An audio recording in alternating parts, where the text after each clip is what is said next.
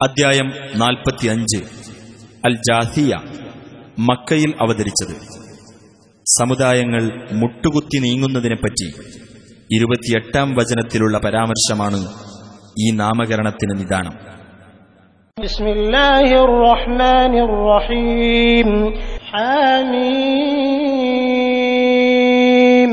تنزيل الكتاب من الله العزيز الحكيم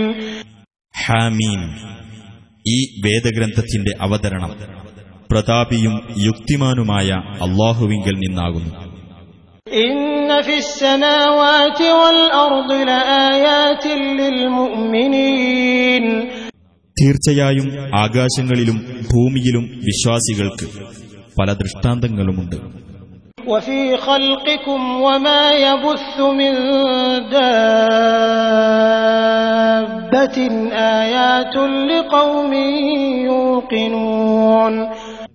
നിങ്ങളുടെ സൃഷ്ടിപ്പിലും ജന്തുജാലങ്ങളെ അവൻ വിന്യസിക്കുന്നതിലുമുണ്ട്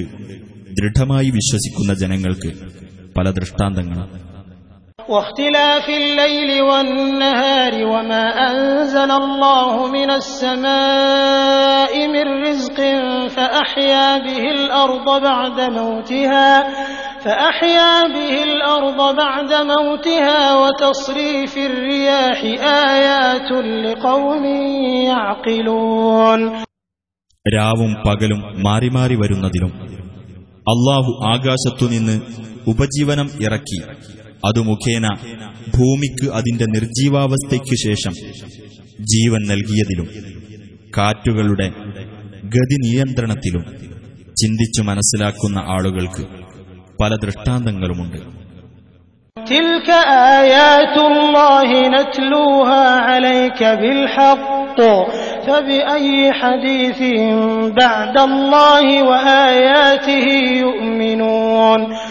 അള്ളാഹുവിന്റെ തെളിവുകളത്രേ അവ. സത്യപ്രകാരം നാം നിനക്ക് അവ ഓതി കേൾപ്പിക്കുന്നു. അള്ളാഹുവിനും അവന്റെ തെളിവുകൾക്കും പുറമെ ഇനി ഏതൊരു വൃത്താന്തത്തിലാണ് അവർ വിശ്വസിക്കുന്നത്?